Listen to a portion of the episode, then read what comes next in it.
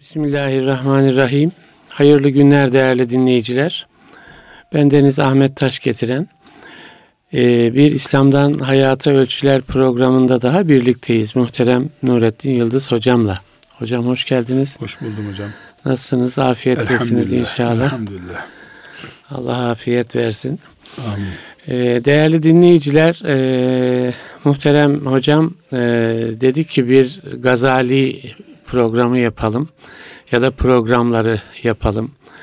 Gazali, İmam Gazali üzerinde e, önemli durulması gereken e, neslimizin bütün Müslümanların dünyanın tanıması gereken e, bir insan hayatı e, bugün baktığımızda çok uzun e, süreli değil ama o e, süre içerisine 55 yıl mı hocam? 55 yıl yaşamış hocam. 55 yıllık e, süre içerisine büyük bir ilmi öğrenmeyi, onları kayda geçirmeyi e, mümkün hale getirmiş bir insan.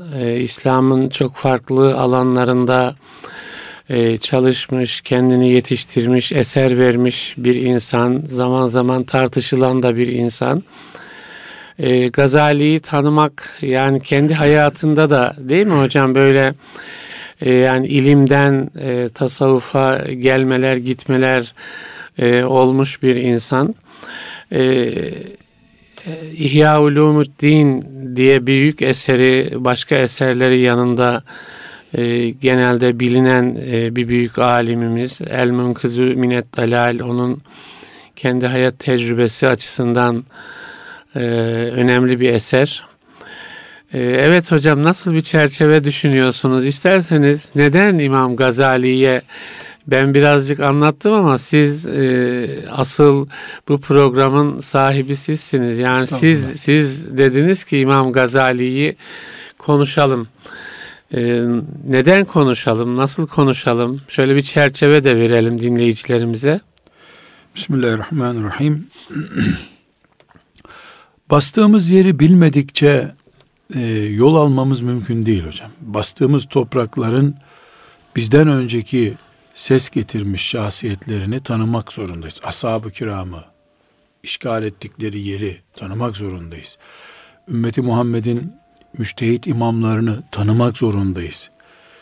Bu ümmeti bugünlere getiren İbn Rüşdleri, Gazalileri, Şatibileri, Nevevileri tanımak zorundayız. Çünkü hayat teknolojisi yeni ama kendisi yeni değil. İnsan yeni değil. İnsan, yeni İnsan değil, eski. Evet. evet. Hayat eski. Şeytan hepsinden eski. Evet. Dolayısıyla bizim yani şu anda mikrofonla konuşuyoruz. Onlar sesleriyle konuşuyorlardı ama konuşuluyor. Evet. Konuşulmadıkça mikrofon işe yaramıyor. Tabii. Mikrofon kendisi bir ses üretmiyor gibi.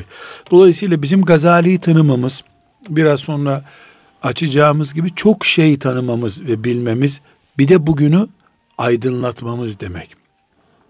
Şimdi Gazali hicretin 505. senesinde vefat etti. 55 sene yaşadı. 505. senesinde vefat etti. E, bizim standartlara göre emekliliğine 15 sene var neredeyse yani. Evet. Daha genç tam olgunluk çağında. Orta yaş gibi. Orta yaş gibi bir yaşta vefat etti. Miladi takvimle 1111'e tekabül ediyor bu. Bizde üniversite 25 yaşında bitiyor hocam.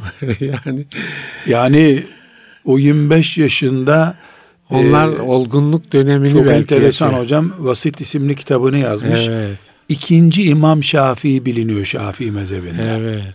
Yani fıkıh asas biz mesela siz sayarken onun fıkıh kimliğini saymadınız. Evet. İhya Ulumuddin ansiklopedisidir onun. Doğru. Fıkıh kitapları var. Fıkıh, evet. Fıkıhta ağır eserleri var.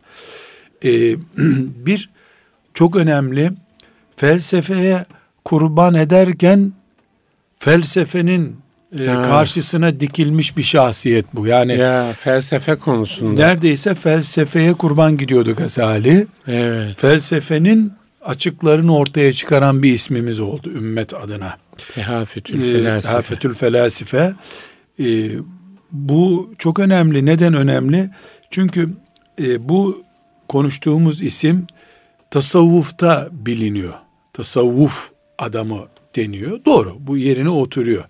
Ama iyi bir mütefekkir. Evet. Ben bir psikolog kardeşimizle İhya Ulumuddin okuduydum bir zamanlar. Da e, o arkadaşımızın tuttuğu notlara hayret etmiştim. Yani hocam bunlar psikolojinin temel bilgileri diye diye İhya'nın kendisini yazdı neredeyse. Evet.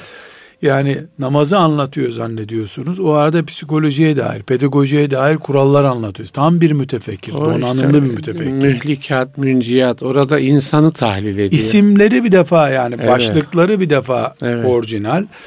Ee, aynı zamanda fakih bir insan. Evet. Fakih. Sadece muhaddislik vasfı oturmuyor üzerine. Böyle bir iddiası yok. Kendisi de diyor zaten. Hadis Hadis- var kitaplarında ama Alim yani branş olarak hadis branşı yok. Yok evet. O kendisi de bunu söylüyor. Benim Evet. hadis bilgim yeterli değil diyor. Ama bu yeterli değil kelimesi şöyle Değil. anlaşılıyor. Herhalde Riyazu Salih'inde okumadı. O manada değil. Yani fakihte, fıkıh ilmindeki ağırlığını hadiste bulamamış. Evet. Zaten hadiste asas geleceği e, noktaya geldiğinde vefat etti rahmetullahi aleyh. E, ve özellikle bunu bir dipnot gibi mülahazamızı koyalım hocam.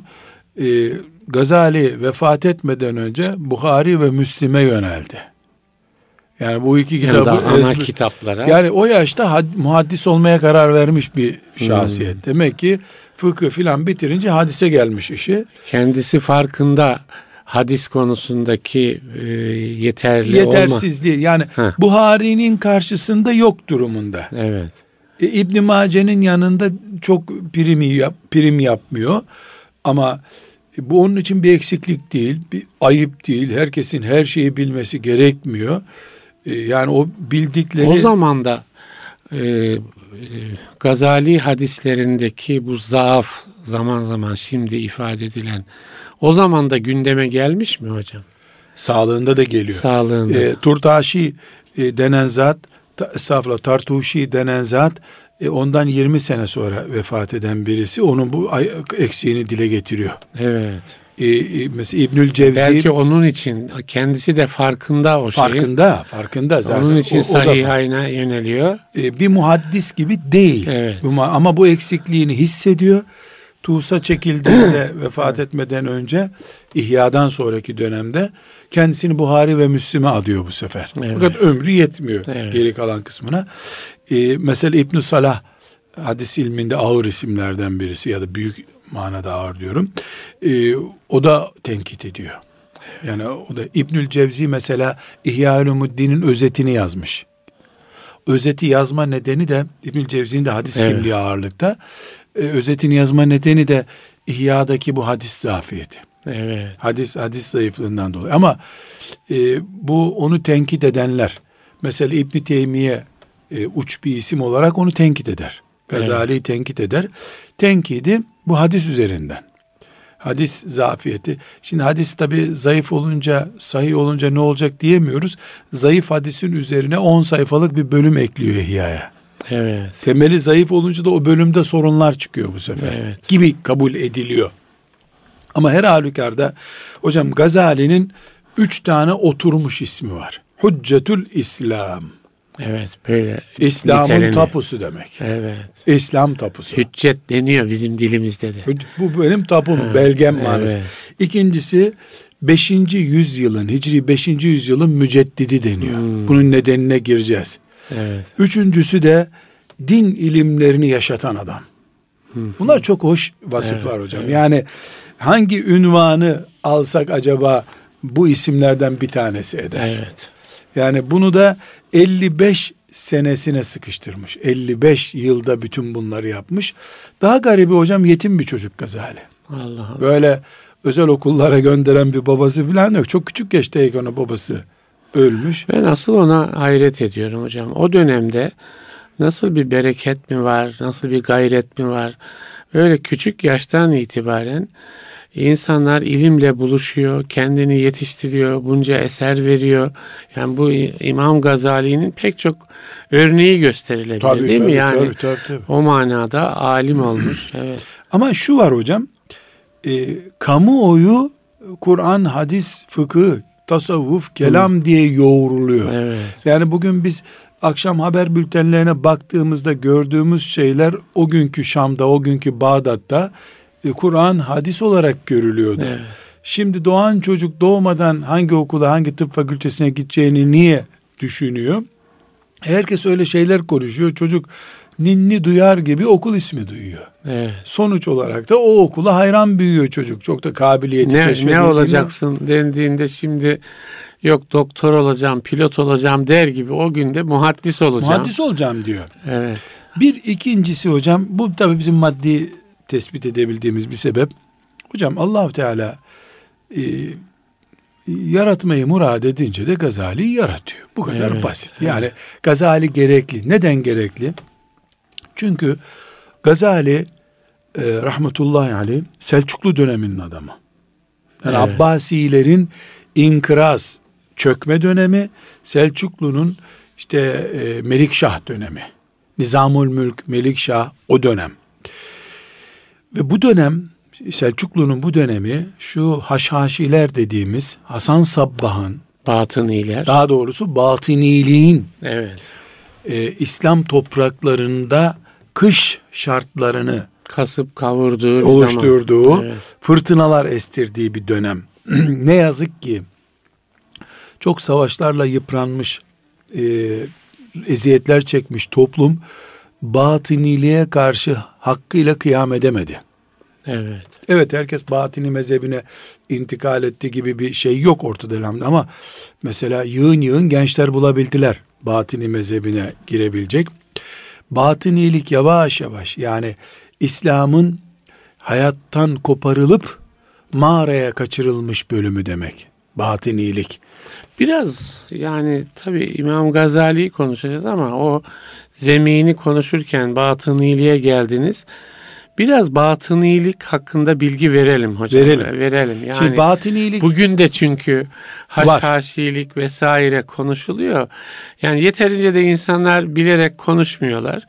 Neydi batınilik o gün? Çünkü batıniliği konuşmazsak, evet. batınilik diye bir şeyi silersek Gazali'ye gerek kalmıyor. Evet. O zaman İhya Ulumuddin'i ve Gazali'nin bütün eserlerini Şam'da bir kütüphaneye kaldırabiliriz.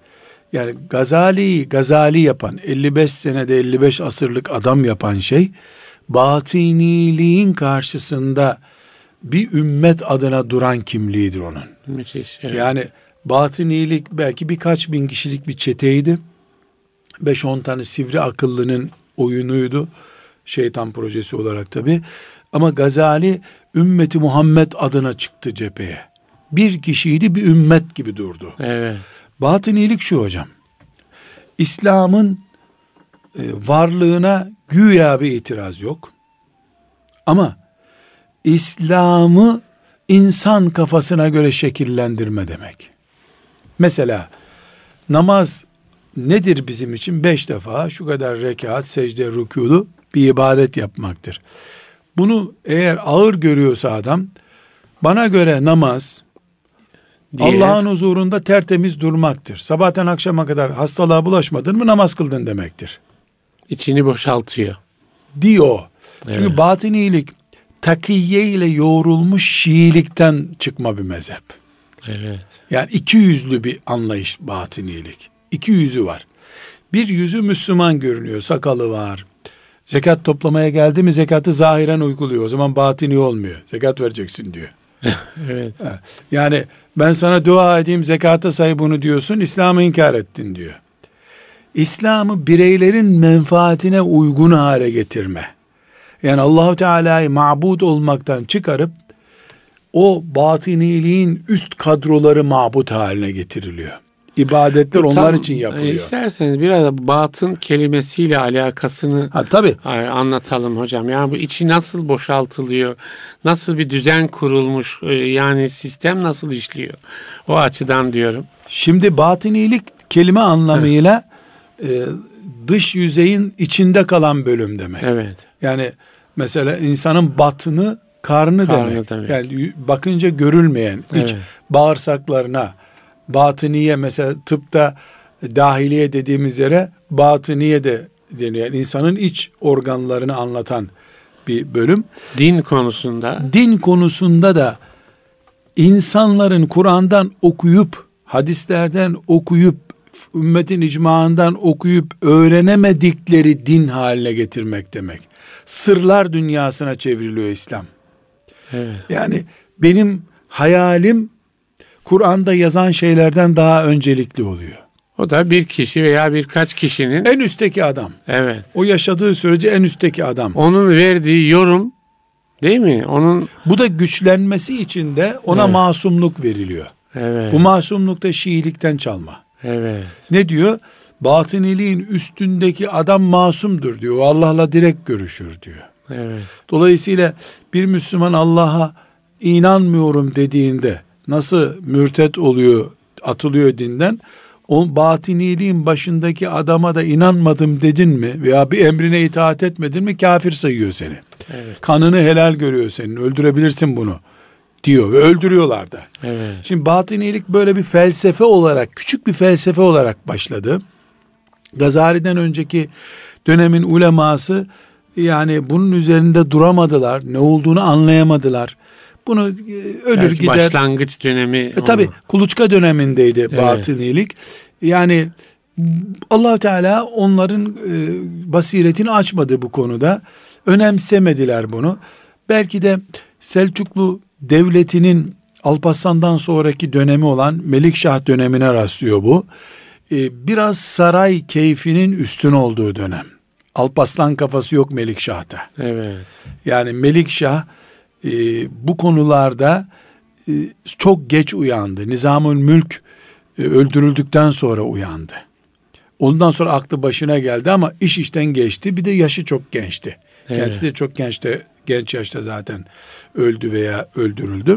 Her halükarda batınilik hak ettiği bir direnişi de görmedi. Gazali'den önce. Gazali'den önce görmedi. Bilimsel olarak da görmedi. E, askeri ve siyasi bir güç olarak da görmedi. Çünkü daha gizli bir hareket olduğu için keşfedildiğinde oturmuş e, yapıları olan bir sistem olarak keşfedildiler. Bu çok önemli bir nokta hocam. Yani belki de e, o zamanki Selçuklu devleti e, tenkit edilecek olursa istihbarat zafiyetiyle tenkit edilmeli. Evet. Yani bunu keşfet devlet göremediler demek ki. O, Ama hocam vatandaş, anlayamadılar, göremediler. Vatandaş göremeyebilir. Mesela seri evet. seri cinayetler oluyor. Evet. Yani bilinmeyen tarzda ve aynı öldürme tarzıyla seri cinayetler oluyor. Bunlar saraya bilgi olarak geliyor. Mesela valiler öldürülüyor. Seri bir şekilde valiler öldürülüyor. Evet. Seri bir şekilde esnaf öldürülüyor.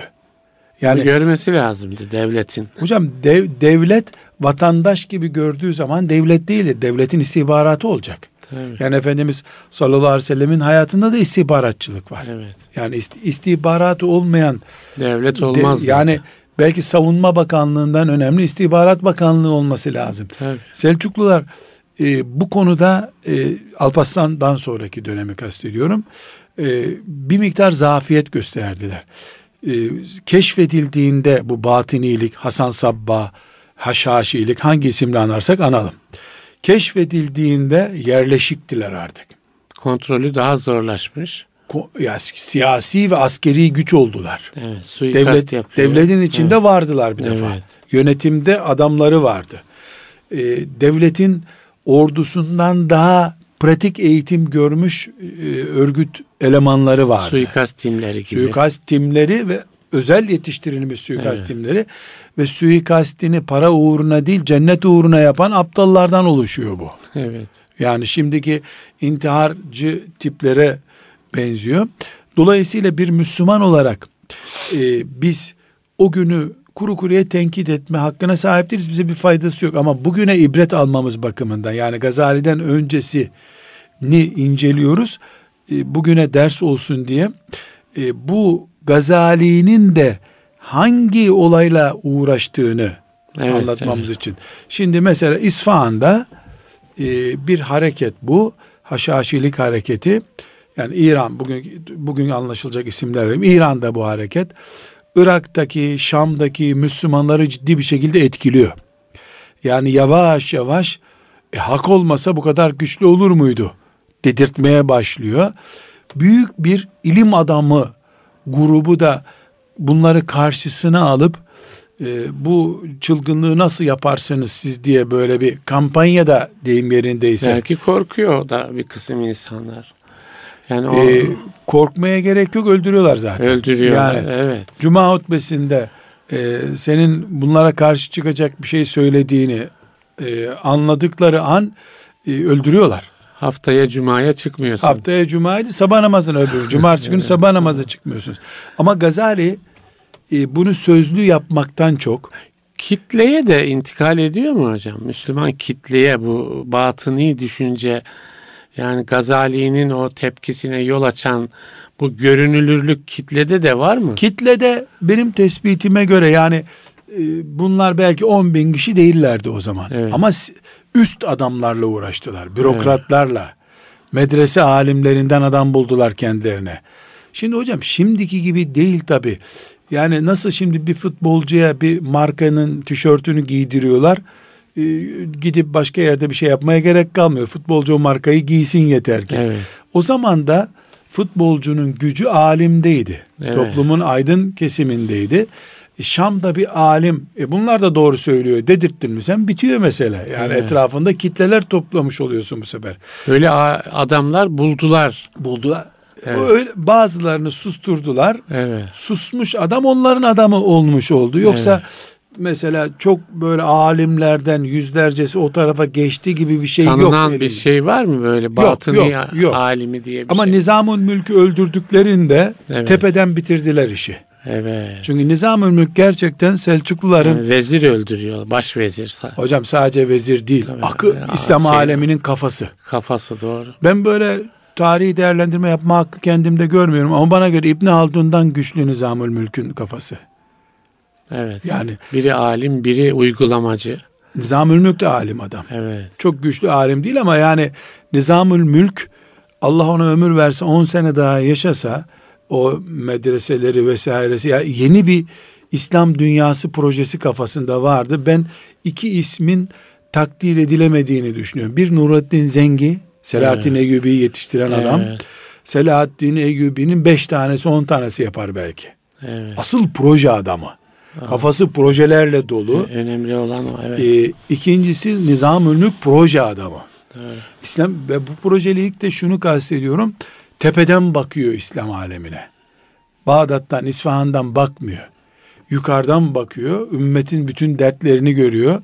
100 yıl, 200 yıl sonrasının projeleriyle meşgul. Bir, bir rasathane projesi düşünüyor mesela. Evet. Uzay ilimlerine yatırım yapıyor Nizamül Mülk.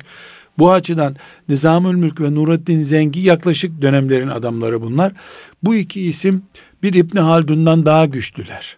Evet. İbni Haldun'un küçüklük manasına demiyorum. Yani onu tenkis için değil bu dediğim. Evet, evet. Ama İbni Haldun kütüphane adamı. Bunlar saha adamılar. Evet. Saha adamı. Allah Teala takdir buyurdu. İbn Haldun'a şöhret nasip oldu. Ama imkan olsa da Nizam'ın mülkün ve e, Nurettin Zengin'in kafalarını bugün çözebilsek belki bugünkü olayları bile aydınlatacak ya kafaları vardı. Belki hocam eser kalıcı oluyor. O da var. Kaldı hocam Selahattin Eyyubi kaldı işte. işte o da eser. o da eser. o da eser. Selahattin Eyyubi evet. de kaldı. Allah evet. rahmet eylesin hepsine.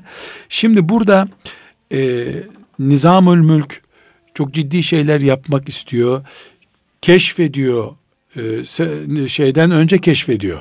E, Melik Şah'tan önce keşfediyor bu batini Batıniliği. tehlikesini. Ulemayı topluyor vesaire ama e, Nizamül Mülk'ün böyle bir proje geliştirdiği anlaşıldığı gün bitiriyor onu. Yani, yani batıniyeti... Şeye girmiş, devletin içine nüfuz Nizam etmiş adamlar var. Nizam Mülk'ün sekreteri hocam. Sekreteri. Sekreteri onun adamı. Ya. Melik Şah'ın sekreteri onun adamı. Bugünkü ifadelerle sekreter kelimesi o zaman yok. Hacip var o zaman evet, mesela. Evet. Özel En yakınındaki en adam. Yakın. Evet. En yakınından daha yakın eşi. Evet. E, hanımı hocam. Allah. Hanımları üzerinden gidiyorlar genelde. Allah Allah. Mesela Selçuklu Sarayı'na hanımlar kanalıyla hakim oluyorlar. Evet. Yani insanın zafiyeti bulunan taraf düşmanın hoşuna giden taraf. Yani e, eşler zaaf tarafın olunca senin düşmanın nüfuz edebileceği nüfuz, alanı. Düşman, e, sen de onun hangi tarafını? Para tarafını keşfediyorsun mesela. Evet. Para. Dolayısıyla o dönem özetlenecek olursa hocam alimlerin böyle toplu bir kıyam etme fırsatı bulamayışı birinci nokta. İkinci nokta e, siyaset geç tespit etti. Çok geç ama. Yani onları bir çapulcu takımı gibi düşündüler. Onlarsa işte kalamut diye biliniyor. Ala, alamut.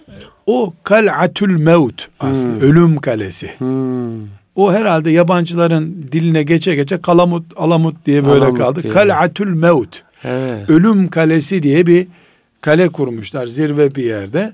Yani oraya çıkarken ya ölmek için çıkıyorsun ya öldürmek için çıkıyorsun. Onun için ölüm kalesi ya, denmiş. Ya, o Alamut Kalesi'nden atıldığı söylenir değil mi? Kendisi oradan atlayıp intihar ediyor. Evet. Olay da ne yazık ki öyle bitiyor batinilik hareket. Evet. Yani onu gene baş edilemiyor onunla. Evet. Ee, ölüp gideceği vakit gelince ölüyor gidiyor da ümmet rahat ediyor.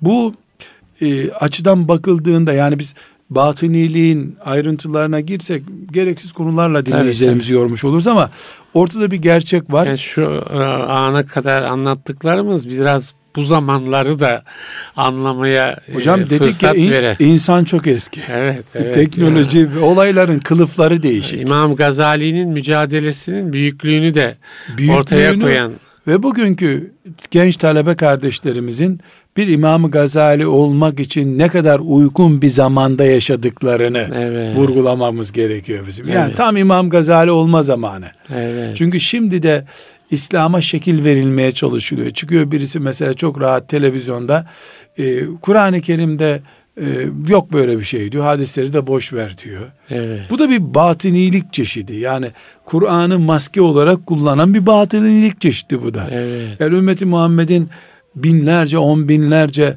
e, veli zatını birden atıyorsun, yok sayıyorsun. E, geçmişi olmayan bir ümmet haline getiriliyor. Yani önümüzde ciddi ciddi e, evet. e, gazalilik gerektiren alanlar var şu çok anda. Güzel, çok, çok güzel. güzel gazalilikler var.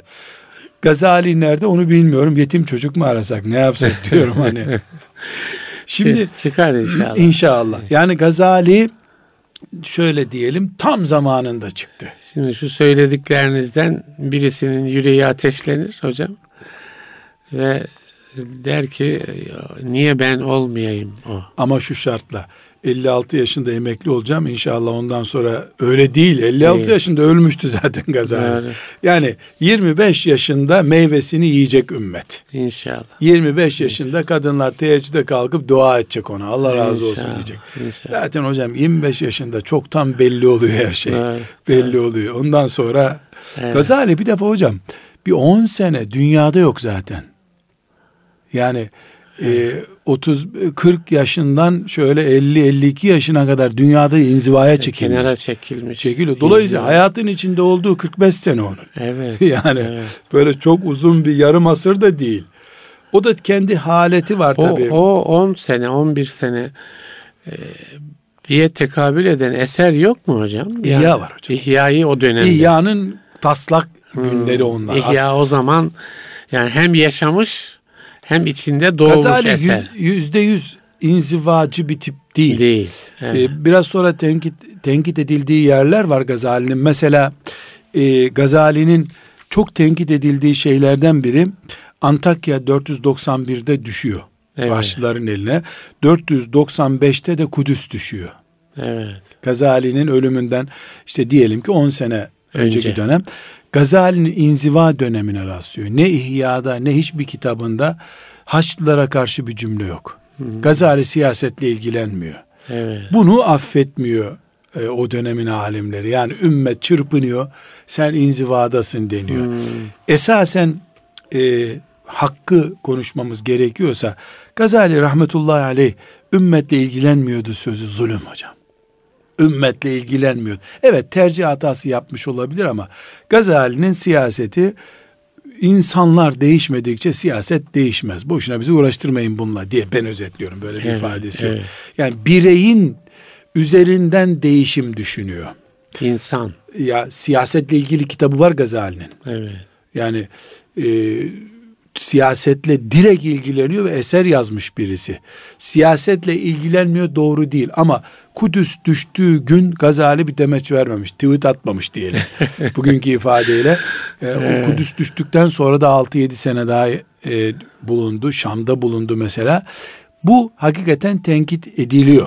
Evet. Ve bunun cevabını vermek de zor. Eğer Gazali'ye karşı bir soğukluğunuz varsa tam Gazali'yi düşürecek bir nokta. Peki o dönem başka alimlerin e, diyelim haçlı şeyine karşı e, yazıları var, mı? Var tabii var. hocam var. Evet. Yani Gazali çapındaki büyükler yani ben var. Şunun için soruyorum yani acaba alimlerin e, kendi alanlarına girmediğini mi düşündüler onlar?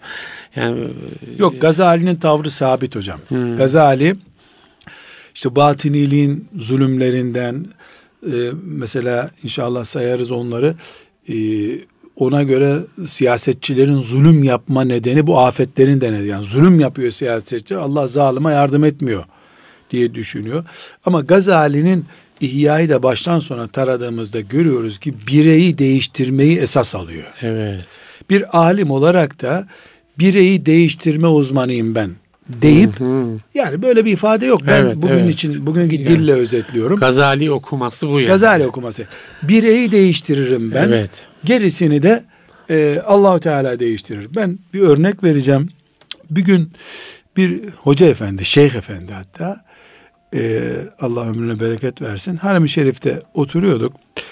E, böyle işte bir cüret geldi bana. Dedim ki bir şey soracağım dedim müsaade ederseniz. Buyurun dedi. Sizi dedim hep şu şalvar ve cübbeyle biliyorlar ya. Milletin pantolonuyla uğraşınca ne olacak ki dedim. Her herkes pantolon değiştirdi. Hmm. Şalvar giydi. Ne kalp, kalp meselesi değil mi dedim. Evet. Bana kızmadı da dedi ki ne yapayım dedi. Ben pantolonlarını değiştiriyorum. Allah da kalplerini değiştirsin dedi. yani takatımız buna yetebiliyor hmm. anlamında. Öyle bir şey vardır. Hani bir hoca bir köyde e, şey yapıyor. Ama insanlar camiye gelmiyor. Niye? Ya işte tarlaya gittiğimiz ayakkabı, postal neyse onu çıkar, çizme. abdest al, çizme, abdest al bu zor geliyor. Demiş ki onunla gelin. Onunla gelmeye başlamışlar. Sonra oraya genç bir hoca gelmiş. Bakmış herkes çizmeyle camiye geliyor. Ya ne, nedir bu hal falan. Ee, işte bize hoca böyle fetva verdi. Öyle fetva olur muymuş falan. Adamlar gelmemeye başlamış. Bu defa eski hocaya gitmiş ya demiş. Sen giderken cami doluydu. Ben geldim cami boşaldı. Bu işin sırrı ne? Sen nasıl fetva verdin? Camiye çizmeyle girilir. Evladım demiş. Ben çizmeyle girdirdim. Sen de gücün yetiyorsa çizmeyi çıkarttır demiş. Ama camiye gelmeyi kesinlikle şey yapma, aksatma demiş. Bir eğitim taktiği evet, olarak hoş evet. bir tespit bu. Yani e, Gazali de rahmetullahi aleyh birey değişmedikçe diye başlayacak bir cümle kuruyor. Bir, evet. Ki bu, bu da ayete ise innallah la yugayyiru ma bi kavmin hatta yugayyiru ma bi İnsanlar kendilerini evet. değiştirmedikçe Allah da değiştirmiyor. Evet. Yani tepeden değişim yok İslam toplumunda. Artı ve eksiye doğru nasıl olursa olsun değişim kökten olacak. Yani bireylerden itibaren olacak. Gazali'nin bu noktada bir tenkit edilebilirliği var. Ee, ya bu tenkit bugün içinde e, anlamlı zaman zaman tedavülde olan bir şey. Falanca alim diyelim ki niye Filistin üzerine bir şey söylemiyor gibi gibi e, bugün de insanların e şu da sadece o değil hocam mesela çok kaliteli bir ihya okusa birisi evet. yani ihyacı diyelim. Evet. Yani doğru bir şey değil de öyle izafe ediliyor ya ihyacı olsa birisi e, Filistin'le bir daha ilgilenmez. Vakit bulamaz kafasında yani Gazali niye ilgilenmedi diyoruz ya biz. Evet ben de mesela 3 ay hiç aralıksız İhya Ulumuddin okusam. Çünkü bazen yeni baskıları çıkıyor. Her baskısını da alıyorum. Ona bir bakayım derken bakıyorum günüm gitmiş benim. Hemen kaldırıyorum gözümden çünkü birkaç kere daha okutturuyor. Bu baskı burayı nasıl almış, şurayı nasıl almış? Hmm. Bir tiryakilik yapan bir anlayış. Şimdi Gazali'nin e, ihyasına daldığınız zaman kendinizi ruhunuzun ihtiyaçlarıyla karşı hmm. karşıya buluyorsunuz işte gıybete karşı hassaslaşıyorsunuz. Sabah namazına karşı hassaslaşıyorsunuz. Teheccüd sizin için cuma namazı kadar önemli hale geliyor. Haram kelimesinin ha harfinden bile çekinir oluyorsunuz. Hep evinizin önünde bir cehennem çukuru kazılmış. Siz evden çıkarken oraya atlayacaksınız gibi. Yani sizi alıyor ahirete doğru götürüyor. Bu çok önemli bir ayrıntı. Dolayısıyla 24 saat böyle düşünmeye başlayan birisi dünyada ne olup bittiğinden haberdar olmaz. Bu haleti ruhiye Gazali'de yüzde kaç yüz vardı Allah bilir. Yani okuyan olarak ben Gazali'yi okuyunca o hale geliyorsam eğer ki geldiğini görüyoruz. E, Gazali'nin kendisi zaten bu haldeydi. Bu doğrudur anlamında değil ama. Alim peygamberin makamını aleyhissalatü vesselam temsil ediyor. Peygamber Efendimiz ondan milyonlarca kere daha fazla ahireti düşünüyordu. Daha fazla zahitti ama yine de dul kadınlarla ilgileniyordu, yetim çocuklarla ilgileniyordu, Medine'nin kuşatması ile ilgili her şeyle ilgileniyordu. Evet alim o takati taşıyamaz belki ama en azından ne oluyor deyip bir esef ifade ederdi. Gazali'nin bu inzivasından sonra tek dönüşüm var. Bir on yıllık inzivası var ya e, ciddi bir kelam alimi bilindiği halde kelama karşı tavır koyuyor. Son eseri 505'te yazdığı eseri İlcamül Avam eseridir. Kelam ilmine karşı tavır koyuyor. Kelamdaki e, aristokratik tartışmalar, felsefenin derinlik konularını e, imana zararlı hale gelmiş görüyor. Ve meşhur bir cümlesi var. Mesela diyor ki e, on binlerce sahabi diyor. Resulullah sallallahu aleyhi ve sellemin yanında yetiştiler. Allah'ı en iyi bilen insanlar olarak ahirete gittiler diyor. Ama hiçbiri kelam ilminden bir şey bilmiyordu diyor. E, bu Gazali kelam ilminde, felsefede zirveye çıktı. Zirveden felsefeye baktı, tepti felsefeyi attı. Belki felsefenin tamamını değil yani ilahiyata ait konularını sildi attı. Ama felsefeye tavır koydu. Kelam ilminde de zirveye çıktı. İhya'da da kelam ilmini e, epey bir yüksek. İhya Ulumuddin'de de kelam ilminin yanlış kullanılmasına karşı bir tepkisi var. Sonra ömrünün sonunda da ashab-ı kiram ölçü olmalı diye bir e, düşünce Hocam, ortaya koydu. Bu şeyleri zihni sirkülasyonu bence tahlil edelim. Yani İmam Gazali'deki mesela o 10 yıllık inzivaya neden Tam karar 10 yıl mı bilmiyoruz. Yani 10-11 diye okudum ben yaklaşık de. bir rakam. Yani neden ona karar verdi? Onun öncesinde ne yaşadı? O sürede yani nasıl bir zihni şey yaşıyor? Çünkü ya hepimiz için bir tecrübe. Mesela dediniz ki yani İhya'yı okuyan bir insan da kendisini yani daha e, kalp ağırlıklı bir gündem içine sokar. Ahiret ağırlıklı bir gündem Ve içine bunu hissedemez. Sokar. Ve bunu hissedemez. Hissedemez. Şimdi Gazali de bunu yaşamış. E, mesela bunun artısı eksisi Mesela bunun artısı eksisi üzerinde duralım. Mesela felsefeyle ilgilendi de sonra felsefeye reddiye yazdı. Ee, ya da kelamla ilgilendi de kelamda zirve oldu ama kelamla ilgilenmeyin dedi. Bunun altındaki şeyleri biraz tahlil Tabii. edelim diyorum. E, yani o İmam tahlil, Gazali'nin zihni sirkülasyonu. O tahlilden önce bir nokta daha Buyurun. benim için çok önemli olan Gazali mutasavvuf bir insan. Evet. Zaten kendi hayatını hayatındaki dönüşümü, medreseden sonraki olgunlaşma dönemini hep tasavvufa bağlıyor. Evet. Yani tasavvuf Gazali'yi yetiştirdi desek bu abartma olmaz. Evet. Tasavvuf da onu şöhrete soktu zaten. Yani bütün batinilik mücadelesine rağmen tasavvuf kadar bir e, ağırlığı yok batinilikle olan mücadelesinin. El Hak'ta öyle yani. Çünkü İhya Ulumuddin Kutül Kulub isimli bir kitaptan istifadeyle yazılmış. O da tasavvuf kaynaklarından birisi. E, Gazali'nin bütün bu dönüşüm dünyasında üçüncü bir noktada tasavvufa da tenkit getiriyor. O da önemli. Tabii. O da önemli. Mesela Eyyühel Veled isimli bir kitabı var. Evet küçük bir yani kitap. gençlere nasihat diyelim. Küçük bir kitap ama hocam İhya'dan güzel o kitap. Evet çok güzel. O da çok yani güzel. ben onu ben Bolu'daki, de ta İmam Hatiplerde okumuştum. Okunmalı hocam. Evet. Yani İhya'ül Veled e, evet. ders kitabı gibi okunmalı. Ben evet bir, bir grup üniversiteli öğrenciyle Bolu'daki kamp yerimize gitmiştik de iki gün o kitap okuduk. Evet. Yani e, o gençlerin e, Bolu'ya giderken ki gelirken ki arasında fark gözlerinden okunuyordu hocam. Yani evet. anında tesir eden bir ilaç. Evet. Serum gibi bir şey. Mesela orada e, tasavvufun şatatatı ile ilgilenme diyor. Evet. Bu tasavvufun içinden bir adam olarak ya İmam Rabbani bunu söyler evet, ya da evet. Gazali söyler. Yani tasavvufta bir aşırılıklar, ileri gitmişlikler olabileceğini tasavvuf, tasavvufta Kontrol, ağır, kontrolsüz ağır bir, sözler. Kontrolsüz sözler. Ağır bir adam olduktan sonra ama bunu söylüyor. Evet. Zaten tasavvufa girmeden böyle istemesi İbn Teymiye gibi kenarda kalır bu sefer. Doğru. ama giriyor içine içinde zirvede e, büyük büyük bütün, görüyor. bütün ruhi şeyleri yaşıyor kademeleri. görüyor. Evet. Ondan sonra bakıyor ki bazıları bunu suistimal ediyor. Evet. O suistimal edenlere cevaptan tereddüt etmiyor. Felsefeyi hazmediyor. Felsefenin şeytanlıklarını görüyor ona itiraz ediyor. Ee, kelam ilminde bakıyor ki biz bu mücadeleyi yaparken asas iman için yapıyorduk. İmanımız sulandı bizim. Dönün ashab-ı kiramdan başka örnek alınacak kimsemiz yok diyor. Ebu Hanife de rahmetullahi aleyhin Evet. oğluna kelam ilmiyle uğraşmasını yasakladığı söylenir. Evet. Uğraşma oğlum siz bunu nefis için yapıyorsunuz diyor mesela.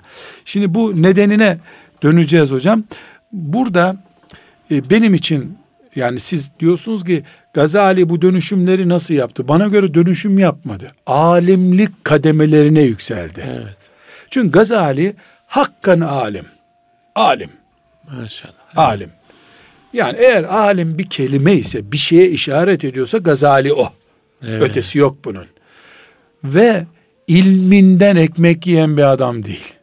Ekmeğini ahirete bırakmış bir adam. O zaman biraz tabi söz sözü açıyor. Hakkan alim neden diyoruz? Yani yani hakkan alim olmamak ne demek? O da giriyor devreye de. Yani Gazali'yi e, bir hakkın alim yapan vasıflar. Hocam üzerimizdeki sizin gömleğiniz Evet. mağazada bir vitrindeki mankenin üstünde de gömlek olarak duruyor. Evet, evet. Sizin üzerinizde de gömlek giyilmiş oluyor ama. Evet. Öbüründe dekor. Doğru. Yani ilim Gazali'ye oturuyor. Oturuyor. Oturuyor. Çok güzel. Evet, ilim bir insana ne verecekse vermiş, ona. Vermiş, Evet. Ama benim üzerimde de bir manken üstündeki gömlek gibi duruyor. Yani ilim, kütüphane, her şey var. Yazılar var, bilgisayar var. Oturmuyor. Yani misafir gibi duruyor ilim bizde. Ve onu diyorsunuz kazanç vesilesi Ga- değil. Ya ve ondan geçinmiyor. Geçinmiyor. Satmıyor ilmini. Ha. Satmıyor. Mesela Nizamül Mülk'ün e, sempatisi var Nizamül Mülk'e. Seviyor. Yani o dönemin e, onu bütün eğitimden sorumlu adam haline getirmek istiyor. Becerip kaytarıyor bu işten. Bir Evet. iki derste bırakıp gidiyor. Yani niye? Statü istemiyor. Statü istiyor. Yani bu ilminden geçinmeye derdi yok. Yüzde yüz doğal alim. Doğal alim. Organik diyor. Organ, organik alim. Yani bu organiklik ne sağlıyor? Evet. Kendi yanlışını bile itiraf etmeyi sağlıyor hocam. Evet. Ben öyle demiştim ama e, şimdi şöyle diyorum ama o sözüm de doğrudur demiyor. Tövbe ettim felsefeden diyor. Evet. Tövbe ettim diyor. Bunlar yanlış diyor. Yani sen ayıplanacaksın. Ya kaç yaşında kaç görüş değiştirdin böyle bir derdi yok. 55 yaşında kendisini 10 yaşında hocasının önündeki talebe olarak görüyor hala. Alim bu zaten. Mezara kadar öğrenmeye aday hep. Evet. Gazali mezara girdiği gün bile talebeydi. Bunu inkar etmiyor. Kendisi de öyle diyor. Bu da onun doğal alim. Hem öğrenen hem öğreten. Dere gibi. Neresinden tutsan bir kova su alıyorsun yukarısı hep geliyor. Ve hep aşağıya gidiyor. Yani dere gibi alim başka. Bir kovadaki leğendeki suyun alimi başka hocam. Alıyorsun hemen azalıyor. Derede azaltamıyorsun ama yukarısı hep doluyor. Hep aşağıya gidiyor. Sen alsan da almasan da. Gazali'nin birinci yönü bu hocam. Evet. İkinci yönü İhya Ulumuddin'in giriş bölümü ilim bölümüdür. Biz bir Evet. derste bunu bir miktar değinmiştik. Gazali Allah rahmet eylesin orada çok farklı bir ilim tarifi yapıyor. Mesela fıkıh ilmi diyor ahireti kazanmak içindir. Nasıl bundan insanlar maaş alırlar diyor. Nasıl fıkıh ilminden dünyalık elde edilir diyor. Evet. Fıkıh demek ahireti kazandırma ilmi demek diyor. Bu tarifler çok enteresan. Mesela İmam Şafii fakih olarak gösteriyor. Kendi dönemininkileri de fitne fesat sebebi olarak gösteriyor. Halbuki onun dönemindeki adamların eserleri bizde şimdi yani mucize gibi kabul ediliyor. Bizim dönemimiz daha aşağıya doğru yuvarlanmış bir dönem olduğu için Allah rahmet etsin hepsine biz minnettarız tabi onların bize bıraktıkları eserlere. Netice olarak Gazali gerçek bir alim, hakkıyla alim, alimliği üzerine tecelli ediyor. İki, Gazali orijinal mutasavvuf hocam. Mesela tasavvufa tenkitler yapıyor yapıyor. Genel ipucu alarak söylüyorum. Abdülkadir Ceylani'ye gelince duruyor. Diz çöküyor Abdülkadir'in önünde. Onu tasavvuf adamı olarak görüyor. Zamanımızda peşinden gidilecek tasavvuf ehli yok diyor. Hocam 505 bize göre mübarek dönem. Evet. Ama zamanımızda peşinden gidilecek şeyh yok sözü ona ait hocam. Evet. Abdülkadirler nerede diyor. Sanki Abdülkadir 4000 sene önceki bir adam gibi anlatıyor. Yani orijinal örneğinin peşinden gitme sevdalısı birisi. Dolayısıyla kendisini hala Abdülkadir Ceylani'nin önünde diz çökecek bir talebe olarak görüyor. Mesela siz ve ben hocamızın önüne gidince hocamız olmaz bu gömleği daha giyme deyince tartışmıyoruz onunla. Evet. O da kendisini Abdülkadir Ceylan'ın önünde görüyor. 20 sene sonraki gelişmelerde bakıyor ki filan çizgiyi yanlış çizmiş. Onu silmekte sakınca görmüyor. Dolayısıyla e, Abdülka ben e, İmam Gazali rahmetullahi aleyh teşbih için söylüyorum. Ulemanın üzerinden böyle konuşmak çok da rahat olmuyor. Köklerinden koparılmamış bir ağaç gibi. Kışın böyle hafif yaprakları dökülüyor ama baharda canlanıyor. Evet. Her sene iki defa farklı görebiliyorsun. Evet. Bizim zamanımız ve bizim gibi insanlar ise biz keresteciye gelmiş ağaç gibiyiz. Bizde hiç yeşerme olmuyor. Öyle ağaç olarak kalıyoruz. Yani tezi bitince kalıyor. E, yaşlanınca bırakıyor. Onlar ise kökleriyle işte Abdülkadir Ceylani ile İmam Şafii ile bağlarını hiç koparmadıkları için en azından ruh aleminde bağları canlı olduğu için bir tür yanlışını bir alim ikaz ettiğinde veya kendisi tefekkür edip yanlış olduğunu anladığında kesinlikle geri geliyor. Bu sebepledir ki hocam ben e, Gazali'de şunu gördüm. Yani Allah'ın kanunu bu tenkit edilmeyen insan yok. Hazreti Ömer'i bile tenkit eden çıkmış. Ne akıl yani. Ömer'i bile tenkit etmişler. Tenkit edilmemek diye bir şey yok. Efendimiz sallallahu aleyhi ve sellem masum olduğu için kimse ona dil uzatmıyor ama onun dışında herkese bir hata bulunuyor mürtetlerle savaşacağım dediği zaman Ebu Bekir radıyallahu anh karşısına Ömer çıktı. Ne yapıyorsun evet. sen? Erken bir karar bu dedi. Yani tenkit oluyor. Gazali de çok tenkit edilmiş. Ama benim dikkatimi çeken bir şey var hocam. En büyük tenkitçisi İbn Teymiye'dir. İbn Teymiye ondan iki asır sonra gelmiş. Ağır bir isim. Yani e, sevelim sevmeyelim başka bir şey ama e, bir tablo yapıldığında e, İbn Teymiyeciler ve Gazaliciler yapıldığında İbn Teymi o listenin başında duruyor. Gazali'nin en büyük rakibi gibi görüyor. İhya'ya karşı aşırı tepkileri var İbn Teymiye'nin. İbn Salah'ın da var. Hadis kriteri ne diyor hocam? Ha, onu anlatacağım. Evet. İbn Teymiye diyor ki bu kitap diyor kütüphanede bulunması gereken bir kitap ama içinde sakıncalar var diyor. Evet. Yani şunu söylemek için bunu bu girişi yaptım. Sevmeyenlerinin bile takdir ettiği bir alim Gazali. Evet. Sevmiyorlar. Hatasını buluyorlar. Yanlış yaptın diyorlar. Ama mübarek adamsın sana diyecek bir şey yok diyorlar. Zirve bir adam. Ee, bu İbni Kesir mesela İbni Teymiye'nin talebesi. Evet. İbni Kesir İbni Müfessir bildiğimiz meşhur tabii, müfessir. Tabii. Allah rahmet eylesin. İbni Teymiyecidir deyim yerindeyse. Fakat İmam Gazalici aynı zamanda. Toz kondurma İmam Gazali'ye.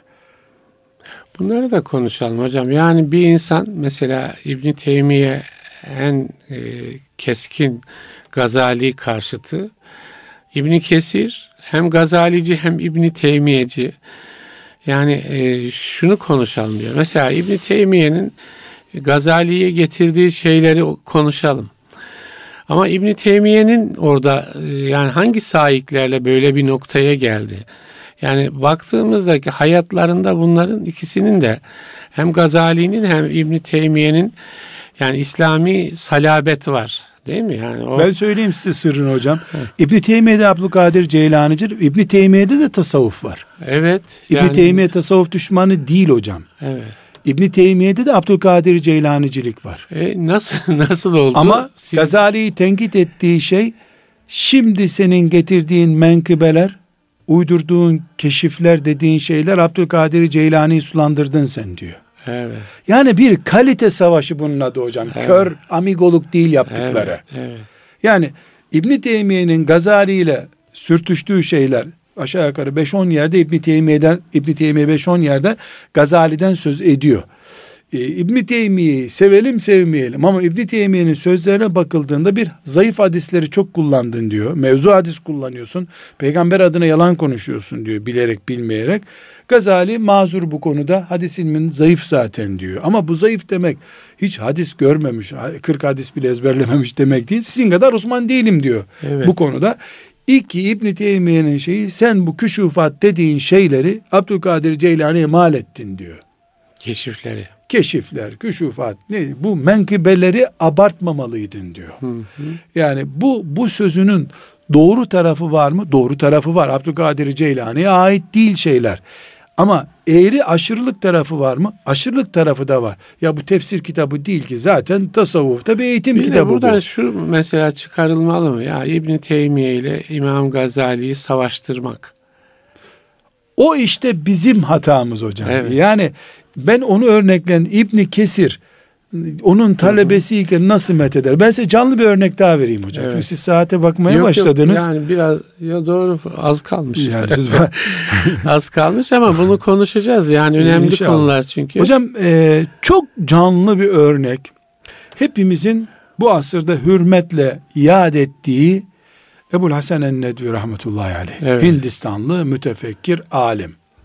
İslam Davet Önderleri diye kitabı var hocam. Evet kitabın okunmuştur pek çok insan tarafından. Ama dikkat edilmeyen bir noktası var. Davet önderlerinde bir cilt İbn Teymiye'dir. Bir cilt de İmam Rabbani'dir. ne diyeceksiniz buna hocam? Onların dünyasında ikisi yani birlikte kabul görebiliyor demek. Defalarca karşılaştırma yapıyor hocam. Evet. Yani İbn Teymiye ile diyor e, İmam Rabbani diyor bir arada sanki aynı işi yapıyorlar diyor. Aralarında zaman farkı var ama çok ciddi. Hocam alim budur Şu mudur zaten. acaba hocam? Yani Nedvi orada ya bizim dünyamızdaki bu savaştırma şeyini ortadan kaldırmak için Allah için yani bu yani bir alimlerden yola çıkıp birbirimizi kırmayalım. Değil mi? Böyle bir şey de olabilir ya mi Ya da işin aslını korumuş. Aslını yani ben balımı alırım. Heh çiçeği dalında bırakarım evet. demek gerekirken şimdi hocam bütün bu fırkalaşmalar, kırdırılmalar birbirimize ne yazık ki bir şey yapmadığımız, İslam'ı kutuplara götüremediğimiz zamanlara rastlıyor hep. Evet. Gruplaşmalar hep oturduğumuz yerlerde ürüyor mikrop olarak. Mantarlaşıyoruz adeta. Bu sebeple aslı bunun bu değil. Yani ben bu Ebu Hasan el-Nedvi'yi çok önemsiyorum. Mesela İbn Abidin hocam. Evet. Hanefi fıkhının son müştehitlerinden birisi. Ben çok merak ettim. Şeyhülislam Şeyhülislam diyor. Ee, Şeyhülislam Harrani diyor bir yerde baktım. Allah Allah. Takıyyüddin Şeyhülislam Hanefi mezhebinde böyle biri yok. Hanefi mezhebinde de Şeyhülislam olarak anılanlar var. Hasbunallah bir inceledim ki hocam İbn Teymiye Şeyhülislam diyor. Evet. Ya böyle birden durdum. İbni Abidin'in bir müştehit olarak tabi mezhebimizin imamlarından hoşuma gidiyordu. Bir kere daha takdir ettim. Evet. Onun mezhebinden değil. Onun bir üst hocalarıyla kavga etmiş bir adam ama uygun bulduğu bir görüşünü alıyor ona da Şeyhülislam diyor. Evet. Hocam ilim adamlığı başka şey, oturduğun yerden ümmetin büyüklerinin üzerinden kavga etmek başka bir şey. Başka bir şey. Kafirden İslam'ı kurtarır gibi öbür Müslümandan kurtarmak başka bir şey. Evet. İslam'ı Müslümandan kurtarmak bir tehlike çeşidi. evet. Evet hocam teşekkür ederiz. Yani e, Gazali böyle hocam. Gazali'yi konuşacağız inşallah. Ben e, Gazali ile ilgili bir ders yapmıştım. İşi vaktinden çok olanlar diye bir seri derslerim evet. vardı. Gazali'ye isim vermeye çalıştım. Şimdi Gazali'yi herkes biliyor. Bir orijinal isim olsun. Sonra böyle aklıma geldi. Fezada bir derya diye bir isim vermiştim. Fezada bir derya. Bir saat onu anlatmıştım Gazali rahmetullahi evet. aleyh. E, bitmez yani. yani. Gazali Gazali'yi biraz konuşalım. Ben mesela İnşallah. o e, inzivaya karar verme süreci yani bir yandan ilim yapıyor Diyor ki sen dur burada. ben bir kendimi derleyip toparlayayım. Ama kitaplarıyla inzivaya çekiliyor hocam. İşte yani onları bir e, konuşalım. Yani- Oradaki zihni süreç. Tabii. İnzivada ne yaptı? Yani elini eteğini çekti mi? Şimdi siz dediniz kitaplarıyla inzi. Yani elini eteğini çekti mi? Nasıl bir tasavvuf anlayışı var İmam Gazali'nin? Biraz İhya'nın muhtevasına da girelim, Girelim, girelim. diye düşünüyorum. Bir de inşallah önümüzdeki dersimizin ilk maddesi şu olsun hocam. İmam Gazali Şafii'dir ve Şafii de imamdır. Evet. Şafiilik mezhebinde imamdır. İhya Ulumuddin'de de fıkıh bölümleri var. Evet. Dolayısıyla İhya Ulumuddin'i ya Hanefi mezhebinden okuyanlar için dipnotlu basmak lazım ya da fıkıh meselelerini teğet geçip diğer tasavvufi meselelerini, ruh Okumak meselelerini lazım. okumak lazım. Bu çok önemli. Çünkü bu kadar övdük Gazali'yi. Orada değişik namaz var. Bu yanlış övdüler diye bir itham da biz almayalım şimdi. Tamam hocam. Değerli dinleyiciler, İslam'dan Hayata Ölçüler programının sonuna geldik. Bendeniz Ahmet Taş getiren muhterem Nurettin Yıldız hocamla birlikteydik. İmam Gazali Fezada bir ne dediniz? Derya. Derya. Fezada bir derya hocamın e, tanımlamasıyla onu konuşuyoruz. Konuşacağız inşallah. Gazali